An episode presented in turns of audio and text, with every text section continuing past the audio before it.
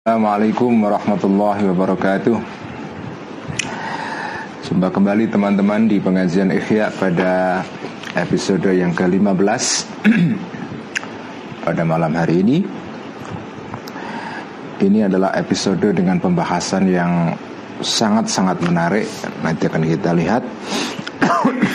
Mari kita mulai dengan membaca Al-Fatihah أعوذ بالله من الشيطان الرجيم. بسم الله الرحمن الرحيم. إلى روح نبينا وشفينا محمد صلى الله عليه وسلم وإلى أرواح الأنبياء والمرسلين وإلى أرواح الأولياء والشهداء والصالحين وإلى أرواح أموات العلماء الصالحين والمؤلفين والمصنفين خصوصا مؤلف كتاب إحياء علوم الدين حجة الإسلام أبا حامد الغزالي. قدس الله سره ونور ضريحه. وعاد علينا بركاته ونفعنا بعلوم الأرواح أموات المسلمين والمسلمات والمؤمنين والمؤمنات خصوصا آباءنا وأستاذنا وأساتذتنا ومشايخنا. غفر الله ذنوبهم وستر عيوبهم ويعلي درجاتهم. شيء لله لهم الفاتحة. أعوذ بالله من الشيطان الرجيم. بسم الله الرحمن الرحيم. الحمد لله رب العالمين. الرحمن الرحيم. مالك يوم الدين إياك نعبد وإياك نستعين. اهدنا الصراط المستقيم صراط الذين أنعمت عليهم. غير المغضوب عليهم ولا الضالين آمين.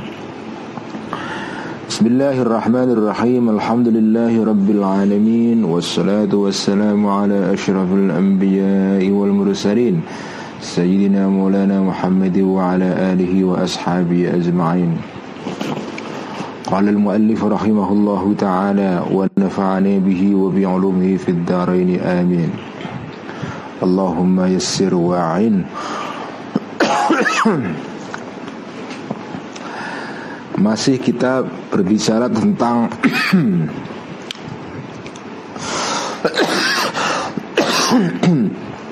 kondisi-kondisi di mana kalbu kita terhalang untuk meraih pengetahuan ya uh, kita pada halaman 889 dalam edisi dari Ibnu Hazm. Dalam edisi lain yang terdiri dari empat zilid itu pada zilid ketiga halaman 13 ada di sedikit di bagian tengah ya. Jadi kita mengkaji kitab Ihya Ulumuddin uh, kita pakai edisi dari Ibnu Hazm halaman 889 kita berbicara sekarang tentang kondisi uh, keterhalangan kalbu kita dari memperoleh pengetahuan uh, jenis yang keempat. Ar-rabi'u Halangan yang keempat Mubtada al-hijabu Khobarnya adalah hijab Adalah hijab atau satir Atau korden Atau pemisah ya. Penutup. Fa innal muti'a. Kenapa hijab ini terjadi? Nah, ini dijelaskan dengan apa dengan detail oleh Al Ghazali di sini. Fa innal muti'a. Karena ya fa-nya di sini fa yang punya makna lid ta'lil untuk menjelaskan sebabnya. Itu disebut dengan ta'lil ya.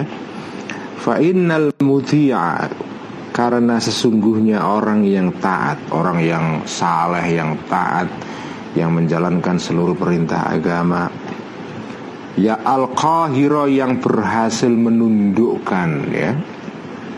Ingat kota al-qahirah Kairo nah, itu kota yang dinamai Al-Qahirah, kota uh, yang menundukkan ya. Al-Qahirah yang menundukkan li syahwatihi kepada syahwat-syahwatnya al-muti' al-mutajarrid al-fikri yang yang bersih pikirannya ya al-mutajarrid al-fikri yang yang fokus atau bersih pikirannya atau yang ya fokus pikirannya fi hakikatin di dalam hakikat minal haqaiqi dari banyak hakikat ya. Dari kasunyatan sesuatu dari esensi dan inti sesuatu.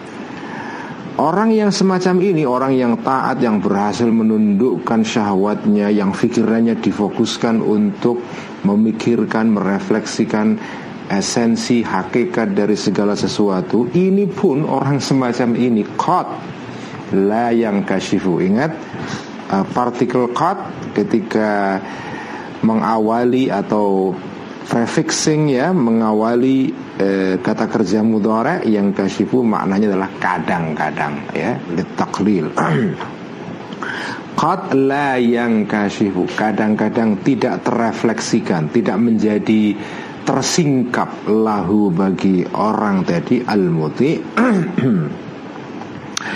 Zalika Opo mengkono-mengkono kalau bahasa pesantrennya? Mengkono-mengkono apa? Tadi itu hakika minal haqaik Zalika tadi itu sesuatu yang sudah disebut Yaitu hakikatun minal haqaik Orang yang bahkan berhasil menundukkan syahwat maupun dan taat pun ya kadang-kadang tidak berhasil mengalami penyingkapan tentang uh, apa itu uh, hakikah tentang kasunyatan sesuatu ya. Tentang hakul hakoik kadang-kadang nggak berhasil juga. Kenapa? Nah, ini alasannya menarik sekali. Tadi saya sebut ini pembahasan yang menarik sekali karena ini pembahasan yang bisa menjadi otokritik bagi kita semua bagi saya bagi para penyimak ikhya di mana pun kata-kata Al-Ghazali ini camkan dan ini sebetulnya yang akan dijelaskan oleh Al-Ghazali ini berdasarkan pengalaman personal Imam Ghazali sendiri ya. Nanti akan saya jelaskan. Dikaunihi karena orang tadi itu al-muti mahjuban tertutup terhijab anhu dari anhu dari uh, apa itu? Dari yang sudah disebut tadi itu hakikatul haqaiq ya al-madhkur min hakikatul haqaiq.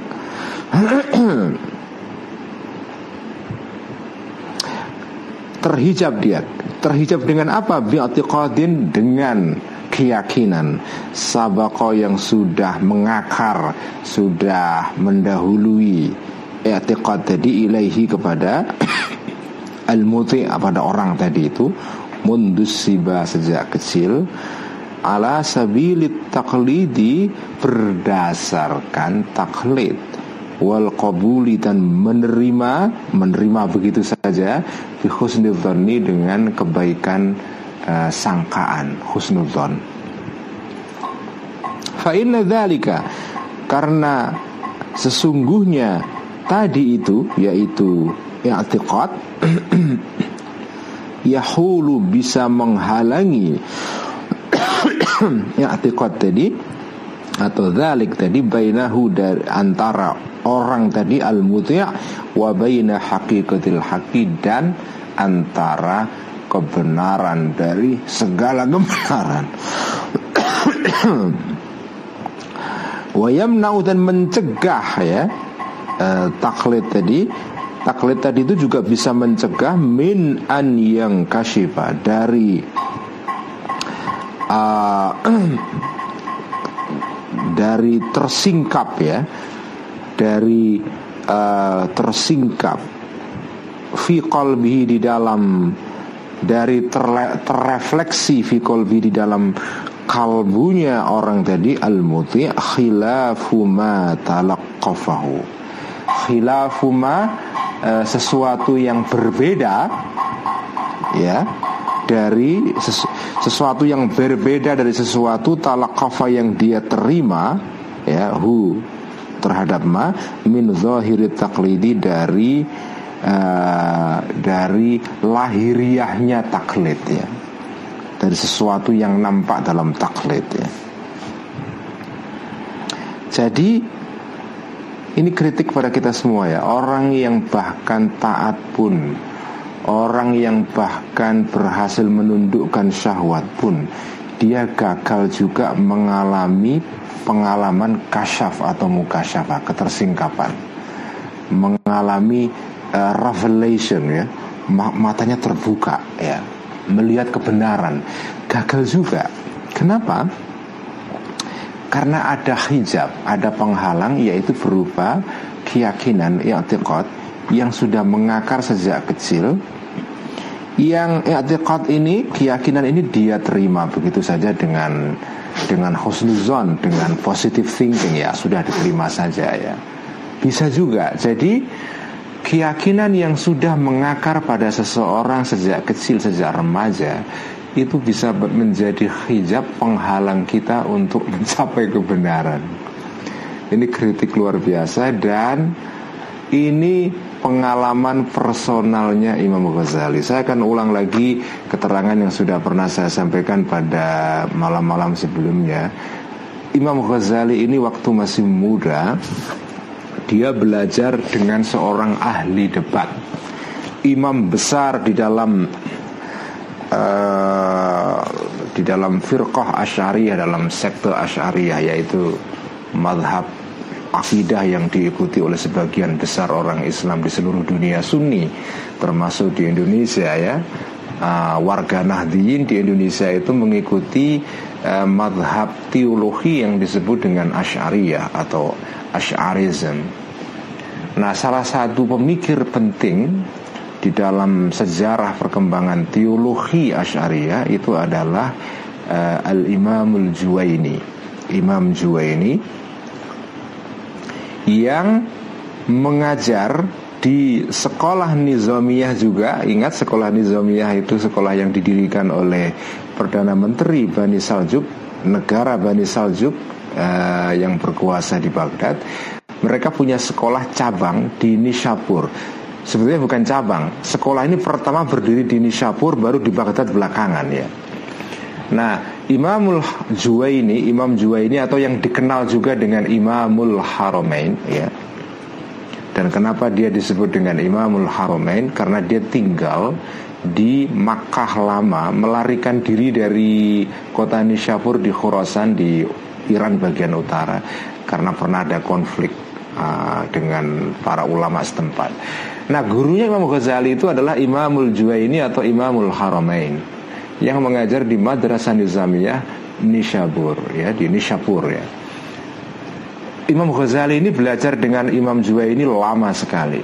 Belajar terutama fikih ya. Uh, apa itu? Fikih Syafi'i Imam Haramain itu dikenal sebagai orang yang melakukan sistematisasi terhadap madhab syafi'i dan madhab para pengikut uh, Imam Syafi'i di dalam kitabnya yang sangat besar sekali yang bisa disebut sebagai ensiklopedi madhab syafi'i yaitu Nihayatul Matlab ya. Nah Imam Syafi'i itu belajar kepada Imam Juwaini lama sekali dalam bidang fikih Syafi'i. Karena itu waktu masih muda, Imam Ghazali itu ya dengan semangat kemudaannya pernah mengalami pengalaman fanatisme, fanatik kepada madhab Syafi'i. Sebagaimana gurunya juga Imam Juwaini itu juga um, menulis beberapa uh, bagi beberapa hal dalam bukunya yang isinya mengkritik madhab Hanafi. Madhab Hanafi itu madhab yang paling populer di daerah Khurasan di Iran Utara di tempat tinggalnya Al Ghazali dan juga gurunya. Itu daerah yang di situ dominan madhab Hanafi. Tiba-tiba Imamul Haramain, Imamul Juwaini ini gurunya Imam Ghazali itu dia pengikut madhab syafi'i dan dia mengkritik madhab Hanafi. Para ulama di sekitar daerah situ nggak suka Sampai akhirnya mereka uh, melakukan apa ya tekanan pressure dan mungkin kalau bahasa sekarang membuli Imam Juwaini kemudian dia meninggalkan kota apa Khurasan ya ke Mekah ya Nah Al Ghazali waktu muda itu juga sama dengan gurunya yaitu uh, fanatis terhadap uh, madhab Syafi'i sebagaimana gurunya dan jangan lupa gurunya Imam Ghazali yaitu Imam Juwaini adalah juga orang yang dikenal sebagai ahli debat. Dia adalah the great debater, pendebat yang luar biasa dan mengarang buku tentang tata cara berdebat ya, etika berdebat. Judulnya Al-Kafiyah fil Jadal. Al Ghazali sama dengan gurunya juga ahli debat, ya. ulama-ulama pada zamannya dikalahkan semua. Pernah berdebat di depan Perdana Menteri Nizamul Muluk dan semua ulama lain dikalahkan oleh Al-Ghazali muda itu. Jadi waktu muda Imam Ghazali itu pernah mengalami pengalaman ta'asub ya, atau asabiyah ta'asub fanatis terhadap madhab dia yaitu madhab uh, syafi'i mengkritik madhab Hanafi dan fanatik terhadap uh, apa itu akidah Asyariah. Tetapi di dalam kitab Ihya, Ihya ini Al Ghazali itu mengkritik dirinya sendiri waktu masih muda. kitab ini dikarang oleh Al Ghazali waktu sudah tua, ya. Meskipun tidak tua-tua aman karena Al Ghazali itu meninggal dengan umur yang masih muda, 53 tahun, ya 53 tahun Al-Ghazali menghasilkan karya yang luar biasa. Yang terakhir kitab Ihya ini 4 jilid. 53 tahun saudara-saudara ya. Menghasilkan kitab yang luar biasa Mengubah dunia Islam. Dalam umur yang 53 tahun. Kalau untuk ukuran sekarang 53 kan belum pensiun kan? Ini usia masih produktif sekali jadi Imam Ghazali tua mengarang kitab Ihya ini dan dia mengkritik dirinya sendiri, makanya saya sebut sebagai otokritik kan, mengkritik dirinya sendiri waktu masih muda. Jadi kitab Ihya ini di dalam banyak bagian sebetulnya adalah semacam otokritiknya Al-Ghazali terhadap Ghazali muda. Waktu masih muda, beliau pernah mengarang buku judulnya Al-Manhul ya. Itu semacam catatan-catatan kuliah dari gurunya tentang usul fikih, teori mengenai hukum. Kalau Anda baca kitab Al-Manhul dalam bagian tentang istihad kalau tidak salah, di situ ada ungkapan Imam Ghazali yang mengatakan bahwa madhab yang paling baik adalah madhab Syafi'i Madhab Abu Hanifah itu madhab yang lemah Abu Hanifah banyak melakukan kesalahan dan argumen-argumennya sangat kontradiktif satu dengan yang lain kira-kira begitu saya nggak hafal secara harafiah uh, kalimat Al Ghazali tapi kalau anda bisa cek sendiri ya di situ Kalimat ini yang belakangan nanti akan menimbulkan masalah karena banyak ulama pengikut madhab Hanafi yang kemudian protes terhadap raja. Al Ghazali dipanggil, diadili, ya. Kamu pernah mengatakan begini maksudnya apa ini? Nah itu. Jadi Al Ghazali ini di dalam Al Manhul itu ya Al Ghazali muda karena beliau nulis Al Manhul itu masih usia belasan atau 20-an awal lah ya. Masih muda sekali. Jadi masih penuh dengan semangat yang menyala-nyala. Ya biasalah anak muda kan suka mengepalkan tangan dan uh, suka yang suka yang kritik-kritik lah ya. Kalau punya pendapat langsung merendahkan pendapat orang lain. Nah Al-Ghazali muda itu dikritik oleh Al-Ghazali tua di dalam kitab ini. Bagian ini itu bagian yang sebetulnya Al-Ghazali kalau bahasa sekarang itu agak curcol ya. Al-Ghazali sebetulnya cerita tentang dirinya sendiri dan menceritakan bahwa hijab atau kalbu manusia itu bisa mengalami uh, keterhalangan, bisa terhalang untuk mencapai kebenaran apa itu? Mencapai hakikatul hak ya. Hakikatul hak kebenaran yang radikal yang mendasar karena dia terbebani oleh kepercayaan yang yang dia pelajari dia uh, mengakar di dalam pikirannya sejak kecil. Itulah hijab. Jadi orang yang yang taklid ya, yang mengikuti begitu saja etikat atau akidah kepercayaan yang diterima dari dari ayahnya, dari kakeknya, sebelumnya dari guru-gurunya itu dia tidak bisa melihat sesuatu yang berbeda dengan kepercayaan yang ditakliti itu. Dan ini ini pernyataan berikutnya yang menarik wahada dan ini itu juga hijabun. Hijab azimun yang besar. Ini penghalang besar. Bihi yang dengan hijab ini hujiba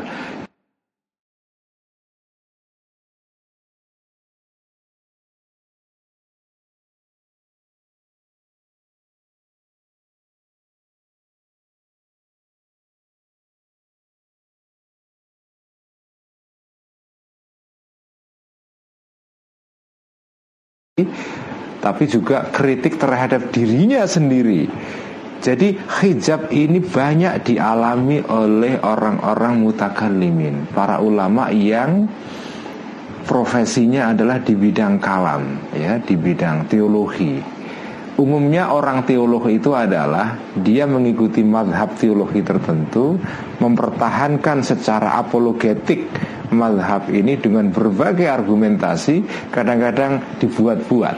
Jadi jadi dia suka berdebat. Mutakalimin itu cirinya adalah suka berdebat.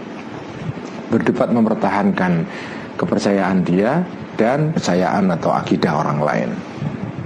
Atau al-muta'assibina lil madzahib, orang-orang yang fanatik terhadap madhabnya yaitu orang-orang orang-orang teolog dan fukoha.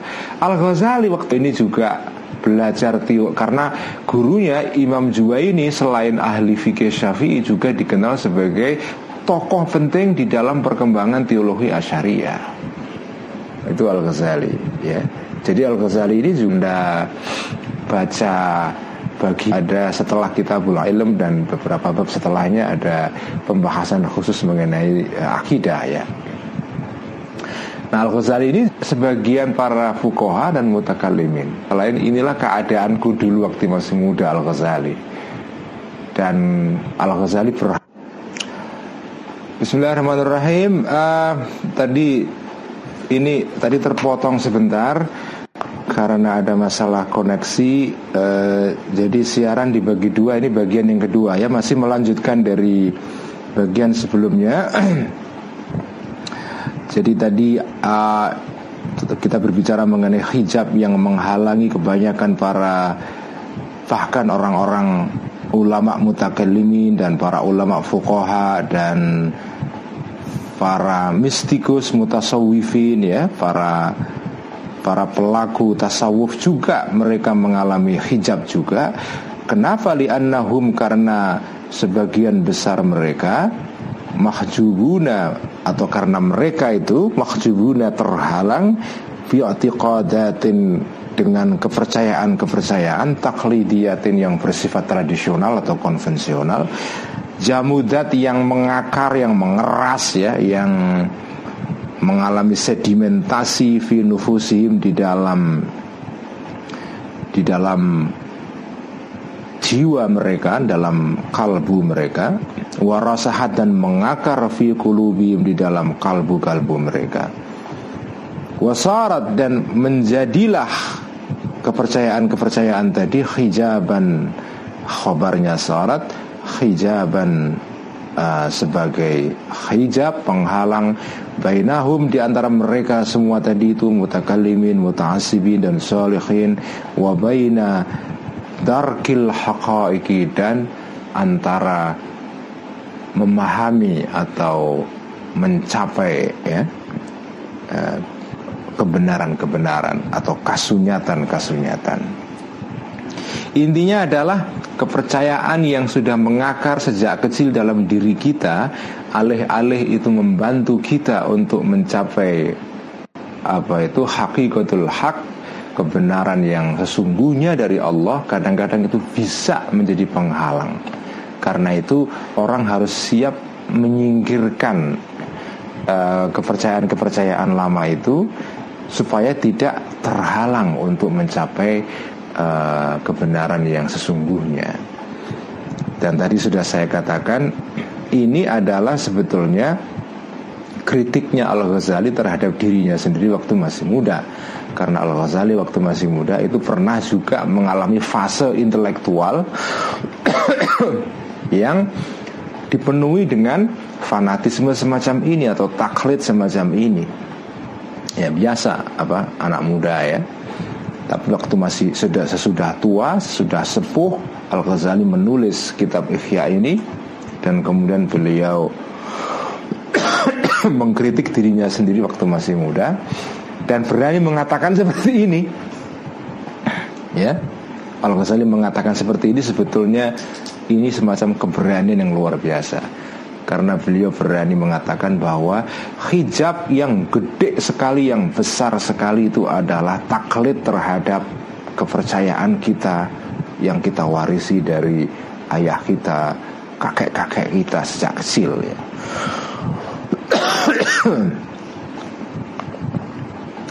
Oke, sekarang yang terakhir. Kondisi terakhir yang menghalangi manusia untuk mencapai pengetahuan yang sesungguhnya Hakikatul hak ya. Al-khamisu yang kelima ya. Al-khamisu yang kelima.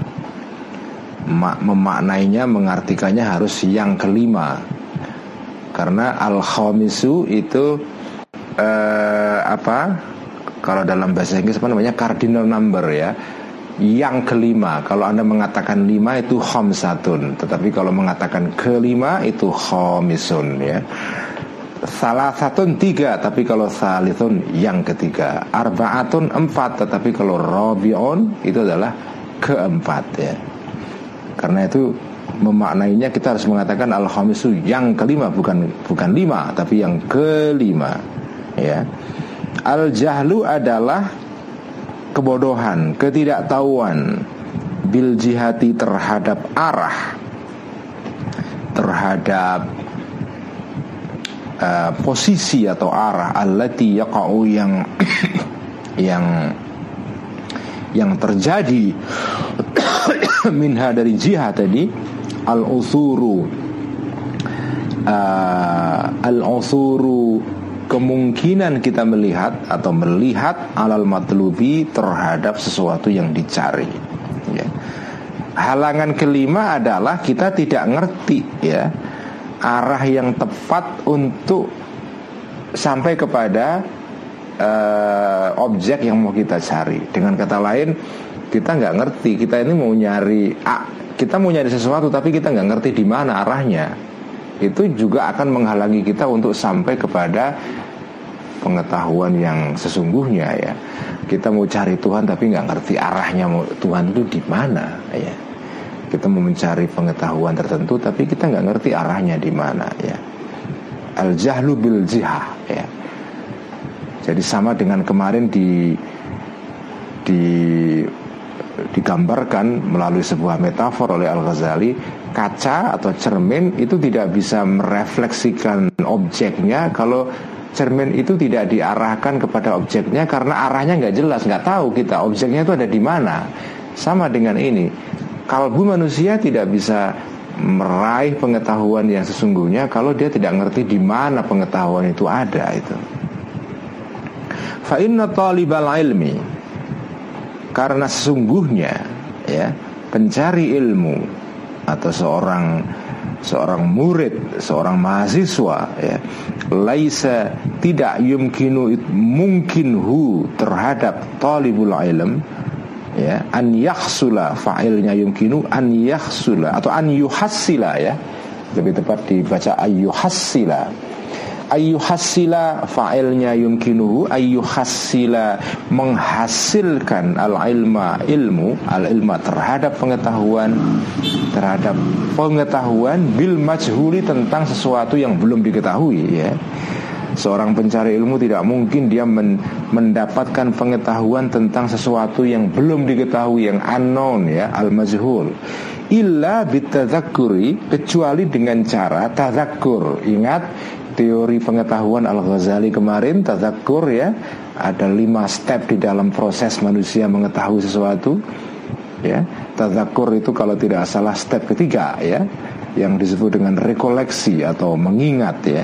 Illa bitadzakur kecuali dengan cara rekoleksi atau mengingat lil ulumi terhadap ilmu-ilmu allati tunasibu yang sesuai cocok matlubahu terhadap yang dicari eh, oleh talibul ilmi tadi itu ya. Hu dhamirhu kembali kepada talibul ilmi hatta idza tadzakkarha hatta sehingga idza tadzakkarha ketika dia mengingat ya talibul ilm tadi ha terhadap al ulum tadi warattabaha dan menyusun ya.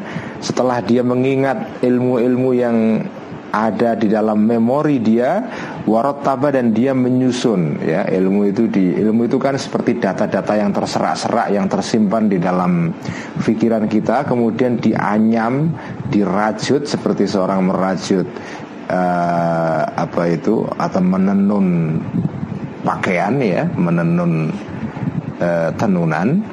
Warattaba dan menenun talibul ilm tadi ha terhadap al-ulum fi nafsi di dalam inteleknya.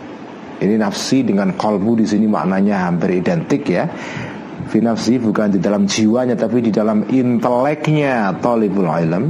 Tartiban dengan tenunan maksuson yang tertentu tenunan dengan cara tertentu yang sesuai dengan aturannya. Kalau kalau tidak sesuai aturan ya kita nggak bisa sampai kepada tujuan yang dicari itu. ya arifuhu yang mengetahui hu terhadap tertib tadi itu al ulama orang-orang yang ahli, orang-orang expert fiturukil aitibari dengan metode berpikir. Turukul aitibar di sini artinya adalah metode berpikir maksudnya adalah metode kias ya. Ya, turukul hatibar di sini adalah bahasa yang dipakai oleh Al Ghazali maksudnya adalah kias atau analogi. Jadi seorang pencari ilmu, seorang pencari pengetahuan nggak mungkin mencapai pengetahuan yang dicari kalau dia tidak punya bahan-bahan dulu berupa data-data awal di dalam pikirannya ya. Kemudian data-data itu disusun-susun-susun dirajut-rajut dari rajutan-rajutan pengetahuan-pengetahuan yang terserak di dalam memorinya dirajut-rajut jadilah pengetahuan baru sesuai merajutnya sesuai dengan aturan rajutan yang dikenal oleh para ulama-ulama yang apa itu yang ahli di bidang kias atau analogi. Karena yang disebut dengan kias itu kan menyusun dua premis dua premis disusun lalu lahir sintesis premis ketiga itu kan. Uh, misalnya ya contoh analogi yang terkenal ini analogi atau kias ya atau silogisme ya sorry silogisme. Disebut dengan silogisme. Silogisme itu adalah ilmu kias ya itu ilmu yang sumbernya dari Yunani uh, penciptanya antara lain adalah atau pendirinya atau ya penemunya adalah Aristoteles ya uh, dan ilmu silogisme ini ilmu yang sangat sangat populer di dunia Islam dipakai oleh para ahli fikih, dipakai oleh para teolog, dipakai juga oleh para filosof ya Islam ya. Nah kias itu atau silogisme itu ilmu logika itu kan cara kerjanya kan menyusun dua premis dari dua premis ini kemudian lahir premis ketiga. Misalnya contoh yang terkenal kan setiap manusia ya al insanu hayawanun natik. Manusia itu adalah definisi manusia adalah al insan. Manusia adalah hewan yang berpikir ya, hayawanun natik natikun secara harafiahnya berbicara. Maksudnya berbicara itu berpikir ya. Karena nggak mungkin orang yang berbicara nggak bisa berpikir. Atau berbicara karena punya pikiran ya. Jadi natikun itu artinya adalah rational being ya. Manusia itu definisinya adalah orang yang bisa berpikir. Lalu premis pertama itu yang disebut dengan premis mayor atau dalam istilah mantek itu disebut dengan kodiyah kuliah ya. Premis mayor. Statement pertama. Lalu statement kedua uh, statement kedua misalnya kita mengatakan Umar itu adalah manusia ya. Atau Umar itu adalah uh, apa itu? Uh, Umar Umar adalah orang yang berpikir misalnya ya. Al insanu hayawanun natiqun ya. Kemudian Umar kita katakan statement kedua kita mengatakan Umar itu adalah orang yang bisa berpikir. Yang yang rasional, yang bisa berpikir dan bisa berbicara. Itu statement kedua yang disebut dengan premis minor atau kodiyah juz'iyah. Lalu kesimpulannya maka Umar adalah manusia ya. Lalu kan rumusannya jika A adalah B ya dan B adalah C uh, jika A adalah B dan B adalah C maka apa kesimpulannya jika A adalah B dan B adalah C maka A adalah C. Kira-kira kan gitu. Atau dalam contoh tadi itu jika A adalah B dan C adalah jika A adalah B uh, dan C uh, kenapa jadi bingung sendiri saya ya? Jika A adalah B uh, dan apa itu C adalah B ya dan C adalah B maka apa itu? C adalah A ya. Jika manusia itu adalah makhluk yang bisa berpikir Umar bisa berpikir maka Umar adalah manusia ya. Jadi itulah yang disebut dengan silogisme yang sederhana ya. Yang disebut dengan kias ya. Jika A adalah B dan B adalah C maka A adalah C ya. Uh, itu yang disebut dengan tartib ya. Merajut-rajut atau menyusun-nyusun uh, apa itu informasi yang sebelumnya bersifat terserak ya. Manusia adalah binatang yang bisa berpikir ya. Kemudian Umar adalah apa itu berpikir. Maka Umar adalah manusia ya. Itu kan ada tiga, ada dua informasi yang semula terpisah disusun jadi satu maka lahir informasi yang ketiga. Itulah yang disebut dengan tartib ya. Uh, yang disebut dengan kias sebetulnya atau silogisme di dalam istilah apa uh, ahli logika dalam Islam itu. Uh, mana tadi? Nah jadi kalau orang tidak tahu cara menyusun tadi itu ilmu-ilmu atau data-data yang terserak dalam memorinya dengan cara tertentu sesuai dengan aturan main di dalam ilmu logika, maka dia terhalang dari pengetahuan ya. Lagi-lagi di sini kita melihat Al Ghazali sebetul, sebetulnya menggunakan filsafat karena yang disebut dengan logika itu bagian dari filsafat juga. Al Ghazali juga menulis karya tentang Al-Ghazali itu punya buku khusus tentang logika ya yang judulnya adalah uh, Mi'yarul Ilm. uh, jadi apa Orang yang berhasil menyusun-nyusun pengetahuan di dalam inteleknya, dalam pikirannya dengan cara tertentu, maka orang itu akan bisa mencapai pengetahuan. Kalau tidak, itu sama dengan kaca yang tidak berhasil merefleksikan objeknya karena nggak tahu di mana arah objeknya itu ya. Itulah halangan kelima tadi itu yang disebut oleh Al Ghazali halangan kelima ya. Fa'inda dzalika. Maka maka pada saat itu ya pada saat orang tadi itu berhasil menyusun-nyusun pengetahuan di dalam pikirannya yakunu ada orang tadi itu pada asaro telah melihat telah menemukan pada asaro telah menemukan ala jihadil matlubi terhadap ya menemukan apa? Terhadap ala jihadil matlubi terhadap arah sesuatu yang dicari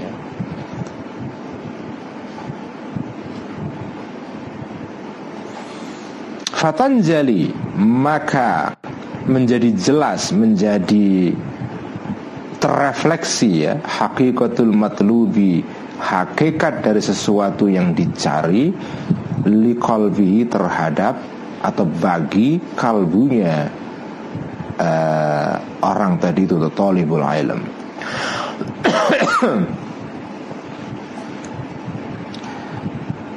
Fa uluma ini jadi ini jadi inti intinya adalah ya tadi itu intinya adalah orang tidak bisa mendapatkan pengetahuan kalau tidak tahu cara bagaimana mencapainya gitu kan kira-kira gitu cara mencapainya kamu harus belajar ilmu kias atau ilmu uh, logika uh, kalau kamu tidak tahu ilmu logika, kamu tidak tahu bagaimana cara mencari pengetahuan. Ya. Karena logika itu adalah aturan main untuk berpikir. Kalau anda belajar kias uh, atau ilmu logika yang dis, yang ditulis oleh para ulama Islam klasik, maka di sana ada keterangan yang menarik sekali dikatakan di dalam apa di dalam pembahasan soal ilmu kias, ilmu logika itu. Uh, kedudukan ilmu mantik atau ilmu logika terhadap pikiran kita itu seperti kedudukan ilmu gramatika tata bahasa nahwu dan sorof ya terhadap bahasa. Jadi kalau bahasa diatur dengan gramatika tata cara berbahasa tata cara ngomong bahasa ya nahwu dan sorof maka berpikir itu juga punya nahwunya sendiri punya gramatikanya sendiri gramatika bahasa adalah nahwu sorof, gramatika berpikir adalah ilmu mantik atau ilmu logika. Karena itu uh, Al Ghazali menulis kitab khusus mengenai logika dan Al Ghazali termasuk orang yang percaya bahwa kalau orang tidak menguasai logika maka pengetahuannya tidak bisa dipercaya. ya karena itulah cara cara untuk meraih pengetahuan. Kalau kamu tidak punya itu ya kamu terhalang dari pengetahuan itu. Fa'innal uluma karena sesungguhnya ilmu-ilmu al-matlubata yang dicari allati laisat yang tidak ya fitriyatan berupa ilmu yang bersifat uh, apa itu a priori ya fitriyah itu a priori sesuatu yang sudah ada pada diri kita sejak kita lahir. Kalau ilmu itu bukan ilmu yang fitriyah ya. Ilmu yang bersifat a priori yang ada pada diri kita sebelum kita belajar di sekolah ya. ilmu itu kalau bukan ilmu yang fitriyah yang a priori la tanasu, tidak bisa dijaring ya. Seperti burung itu, ilmu itu kayak burung nggak bisa dijaring illa bisyabakatil ulumi kecuali dengan uh, jaring atau jolo kalau bahasa Jawa jaring ya net ya.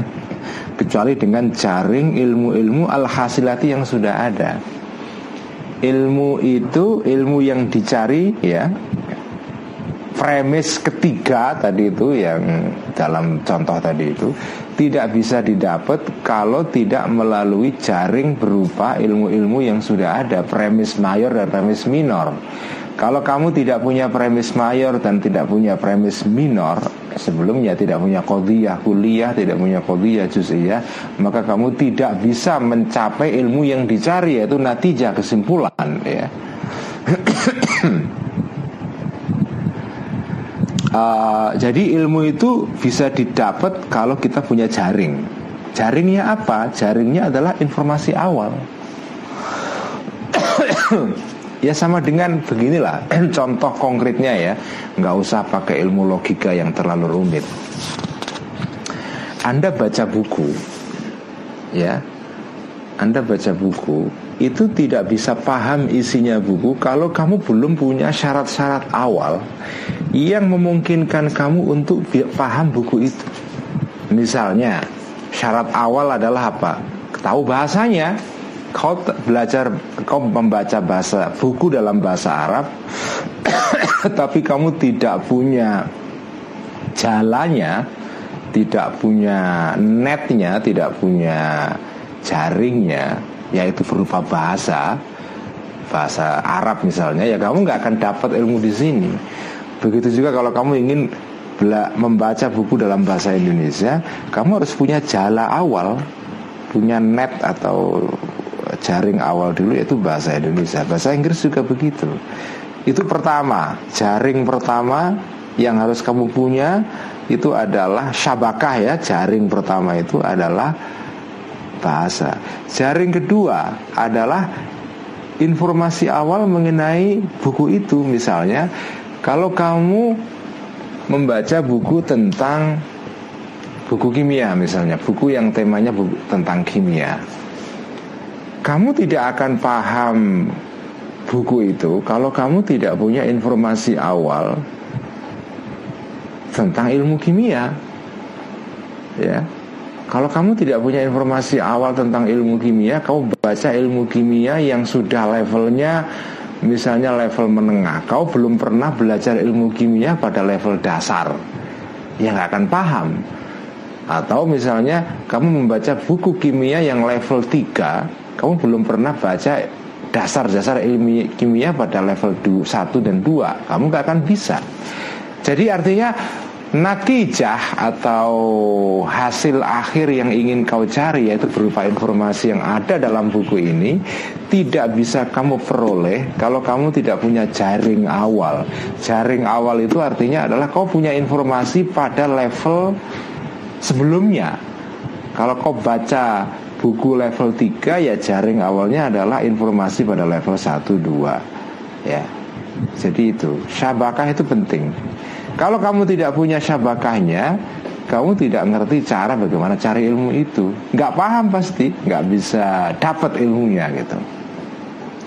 Jadi halangan kelima adalah halangan kamu tidak ngerti bagaimana cari ilmu itu, cara memahaminya, karena kamu tidak punya jaringnya tidak punya alatnya, tidak punya kailnya, kira-kira gitu ya. Bal kullu ilmin bahkan setiap ilmu la yuhassalu bisa dibaca la yuhassalu bisa dibaca la yahsulu ya. Bal kullu ilmin bahkan setiap ilmu la yuhassalu tidak bisa dihasilkan atau la yahsulu tidak bisa berhasil di, tercapai ya illa an ilmaini kecuali melalui dua ilmu, dua premis ya. Sabiko ini yang sudah terdahulu, premis awal ya. Ya talifani yang tersusun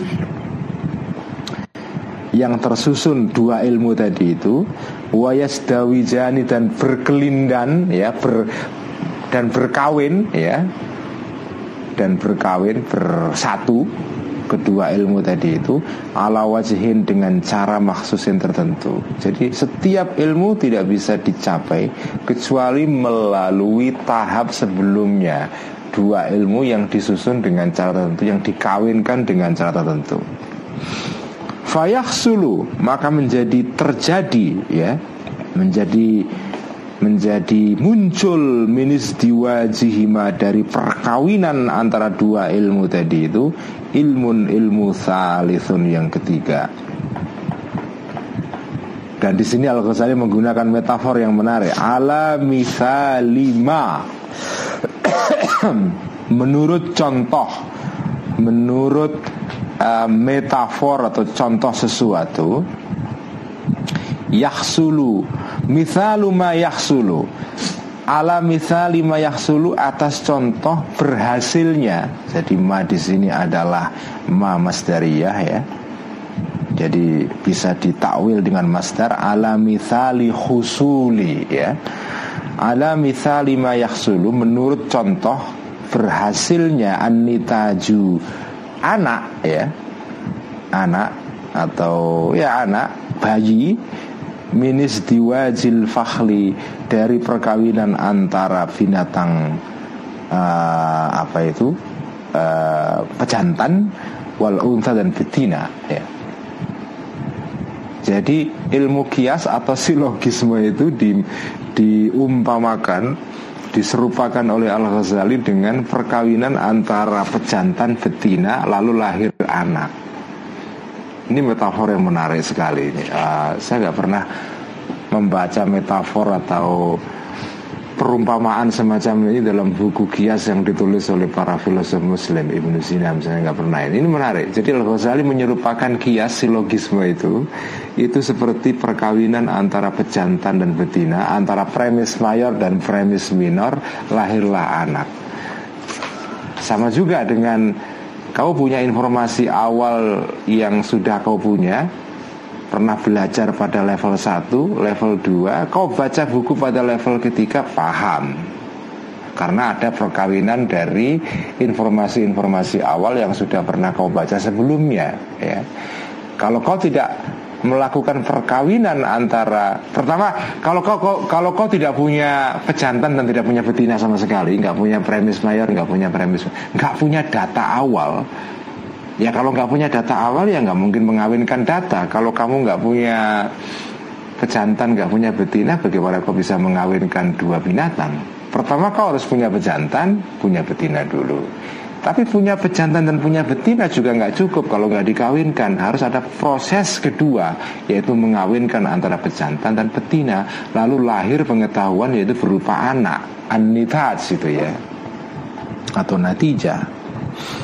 Thumma Nah ini ini metafornya menarik sekali ini. Thumma kama annaman Lalu sebagaimana sesungguhnya orang Thumma kama annaman ya Se kemudian sebagaimana sesungguhnya orang aroda yang hendak anyastantija mencari hasil anak ya.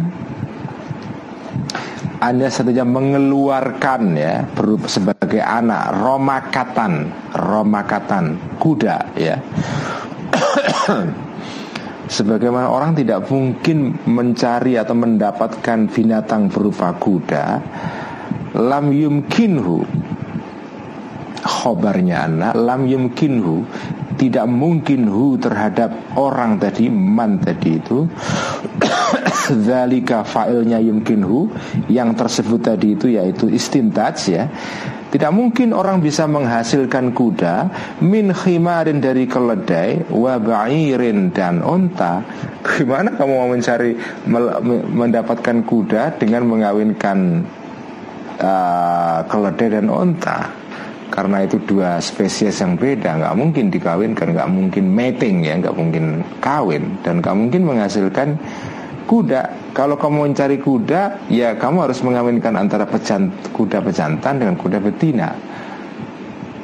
Artinya kalau kamu ingin mendapatkan anak kuda dengan cara mengawinkan keledai dengan apa itu dengan unta itu sama dengan kamu melakukan operasi atau proses kias silogisme dengan cara yang salah.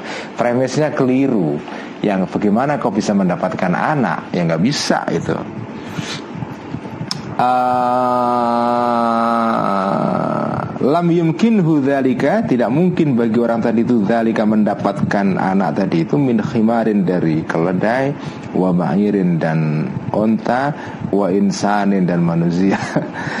Mengawinkan keledai onta dan manusia nggak bisa. Bal min aslin bah sebaliknya bal sebaliknya min aslin dari pokok maksusin yang tertentu ya.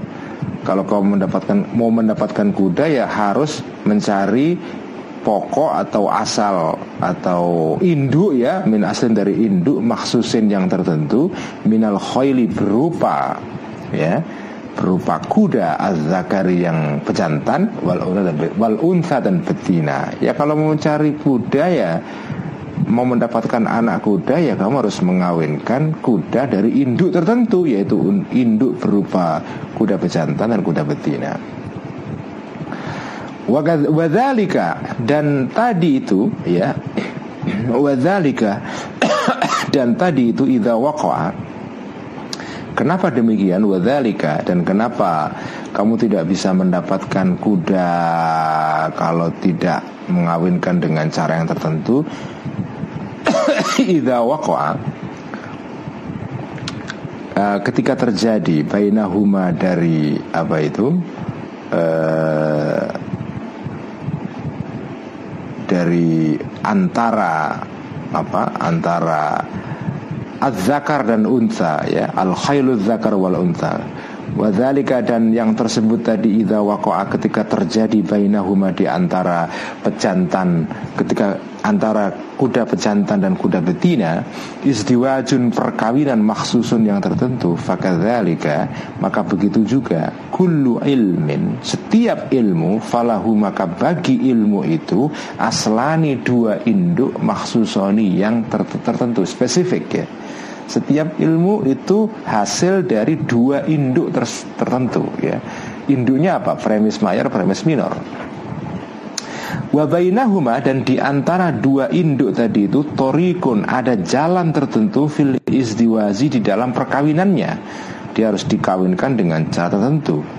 Yaksulu yang berhasil yang terjadi min is min dari perkawinan antara dua induk tadi itu al ilmu ilmu al mustafadu yang dicari al matlubu yang juga dicari. Jadi ilmu itu adalah hasil perkawinan ya.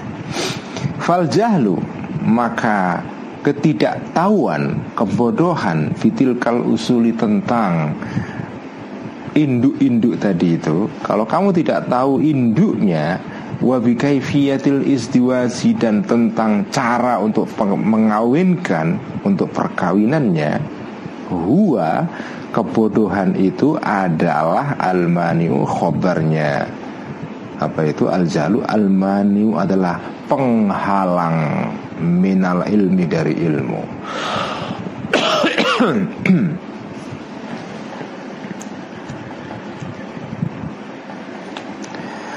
Wa mithaluhu dan contohnya kebodohan semacam ini adalah mas zakarnahu yang sudah kami sebut minal jahli berupa kebodohan fil jihati tentang arah allati yang asuratu gambar fiha itu di dalam jihad. Jadi inilah contohnya Tadi itu tentang kebodohan yang sudah kami jelaskan sebelumnya dengan metafor cermin. Kamu tidak bisa cermin tidak bisa merefleksikan barang kalau kamu tidak tahu di mana arah barang itu. Ya. Um, Oke okay, saya tambah sedikit. Bal mithaluhu bahkan contohnya kebodohan tadi itu adalah contoh yang lain adalah an yurida menghendaki al insanu manusia an yara untuk melihat kofahu uh, tengkuknya insan. Ya uh, tengkuk ya uh, apa itu? Ya kofahu tengkuknya masalan contohnya ya bil mirati dengan uh, kaca. Orang nggak bisa melihat tengkuknya dengan kaca. Kalau kaca taruh depan kita nggak akan melihat tengkuk kita nggak bisa karena tengkuk ada di belakang. Artinya kaca tidak tidak persis ada di di arahnya tengkuk ya. Sehingga kita nggak bisa melihat tengkuk kita. Fa'innahu karena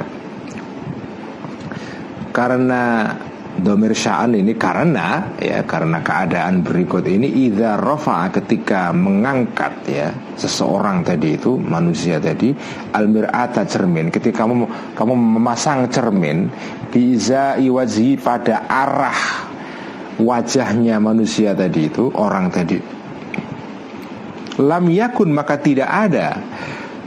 Qad hadza telah memasang dengan persis dengan tepat biha dengan cermin tadi itu dengan mirah syatrul qafa arahnya tengkuk kita. Karena itu fala yadharu maka tidak tampak via di dalam cermin al qafa tengkuk. Kalau kau pasang cermin persis di depan muka kita ya dengan dengan sendirinya kaca itu pasti tidak pada arah tengkuk. Karena tengkuk di belakang kaca di depan ya karena itu tidak mungkin kalau kaca kita taruh di depan ke, ke wajah kita, dia bisa mencerminkan tengkuk yang ada di yang ada di belakang kepala kita. wa in kalau dibalik misalnya wa in rafa'a dan jika orang itu memasang ha terhadap cermin tadi itu waro al kofa di balik tengkuk. Tadi cermin di depan di depan di depan wajah. Kalau kita balik cermin itu kita taruh di balik tengkuk kita atau di belakang kepala kita sesuai dengan arah tengkuk kita wahadahu dan menepati arahnya kofa tadi itu karena maka adalah koda adalah telah membelokkan orang tadi itu al insan manusia tadi itu bil mirati dengan cermin an ainihi dari arah matanya. Kalau kamu taruh cermin di tengkuk ya apa cermin itu kau belokkan dari kepala, dari wajah kamu, dari mata kamu sehingga kamu nggak bisa melihat tengkoknya memang terlihat di cermin di belakang kepala kita tapi mata kita nggak bisa melihat cerminnya Wala surat al dan tidak gambarnya tengkok tadi itu via di dalam cermin. Kamu nggak akan bisa melihat gambarnya cermin karena cermin cer, melihat gambar tengkok di dalam cermin karena cerminnya kamu taruh di belakang. Artinya kalau kau hanya punya satu cermin saja, kau taruh di depan tengkoknya nggak kelihatan. Kalau kau taruh di belakang, tengkoknya ada di cermin, tapi mata kamu nggak bisa melihat.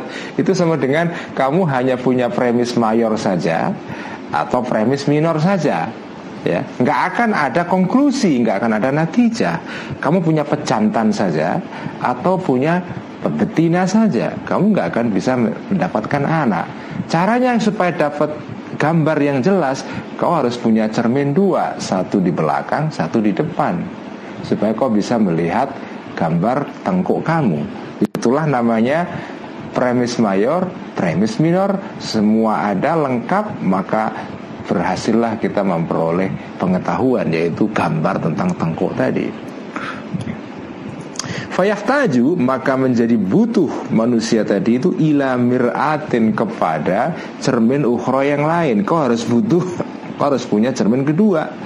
Yunas sibu, ya, dibaca Yansibu juga bisa, tapi lebih lebih baik dibaca Yunasibu Yunasibu yang memasang yang mendirikan manusia tadi ha terhadap cermin waro al di belakang tengkuk wahadihi uh, dan cermin ini fi cermin apa itu uh, yang kedua ini ya Tadi kan cermin yang satu ditaruh di belakang. Kau butuh cermin satu lagi dan cermin yang ini wahadi dan cermin yang ini fi muqalabalatiha di dalam atau atau menghadap kepada cermin yang pertama tadi itu.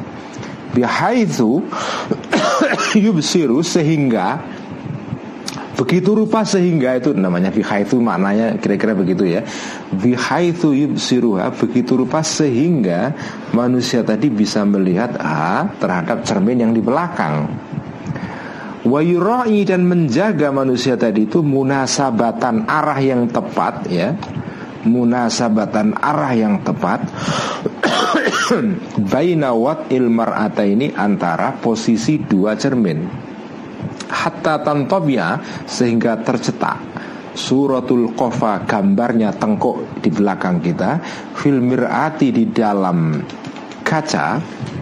Kaca kedua al muhadiyati sorry kaca yang pertama. Al muhadiyati yang pancer yang pas arahnya. Lil kofa terhadap tengkuk. Sehingga cermin itu tercermin di dalam kaca pertama yang ada di belakang tengkuk kamu ya. Kemudian summatan tabi'u. Kemudian summatan tabi'a ya, hatta tantabi'a ataf summatan tabi'a. Kemudian tercetak juga suratu hadhil mar'ati gambarnya cermin ini yang ada di depan tengkuk tadi itu filmir filmirati di dalam cermin al ukhra yang lain allati fi muqabalatil aini yang tepat di depan mata.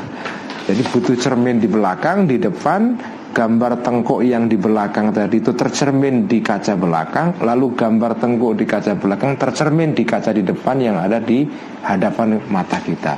Dengan dua cermin inilah kemudian kita bisa melihat tengkuk kita. Kalau satu cermin tok di belakang atau cermin satu di depan, kita nggak akan bisa melihat objek yang kita cari yaitu tengkuk itu. Dua cermin ini adalah gambaran dari premis mayor, premis minor ya. Dari kodiyah kuliah, kodiyah juz'iyah. Uh, thumma tudriku. Maka kemudian bisa melihat al ainu mata kita surat al qafa gambarnya tengkuk baru bisa melihat. Fakadhalika maka begitulah fiqtinasil ulumi di dalam menjaring ilmu. Ilmu kayak burung dijaring ya Fakadzalika maka begitulah fiktinasil ulumi khobar muqaddam Di dalam menjaring ilmu Turukun ada metode-metode Ada cara-cara Ada jalan-jalan ajibatun Yang ajaib.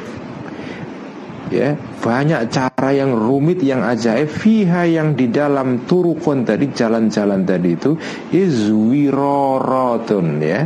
Ada kelokan-kelokan ada turns, ada kelokan-kelokan, watahrifatun dan belokan-belokan. Ajabu yang lebih mengagumkan, lebih mengherankan. Mimma daripada contoh zakarna yang sudah kami sebut. Hu contoh tadi itu filmir hati di dalam soal kaca. Yaizu yang jarang ya. Ala basitil ardi di atas uh, bentangan bumi ini yang lebar ini man failnya yaizu jarang man orang ya tadi yang bisa mengetahui bisa mendapatkan petunjuk ila kaifiyatil khilati kepada cara untuk mencari kiat, mencari trik ya, fitil kal izbiroroti di dalam lekokan kelokan-kelokan tadi itu. Kalau kita gambarkan tadi itu kan ada dua kaca kita taruh di belakang tengkuk kita, kaca yang lain kita taruh di depan mata kita. Itu kan kayak trik-trik kan, trik-trik kelokan-kelokan, belokan-belokan yang harus kita lakukan supaya kita bisa dapat mendapatkan pengetahuan yaitu gambarnya tengkuk. Nah, itu contoh yang lahiriah. Di dalam mencari ilmu itu ada juga izwirorot ya. Ada ada turn ada jalan-jalan yang berbelok-belok yang harus kita lalui yang lebih rumit daripada rumitnya kita mau melihat tengkok dengan cara kaca satu ditaruh di sini, kaca kedua ditaruh di sini itu kan rumit sekali sebetulnya. Di dalam ilmu itu ada cara yang jauh lebih rumit daripada itu.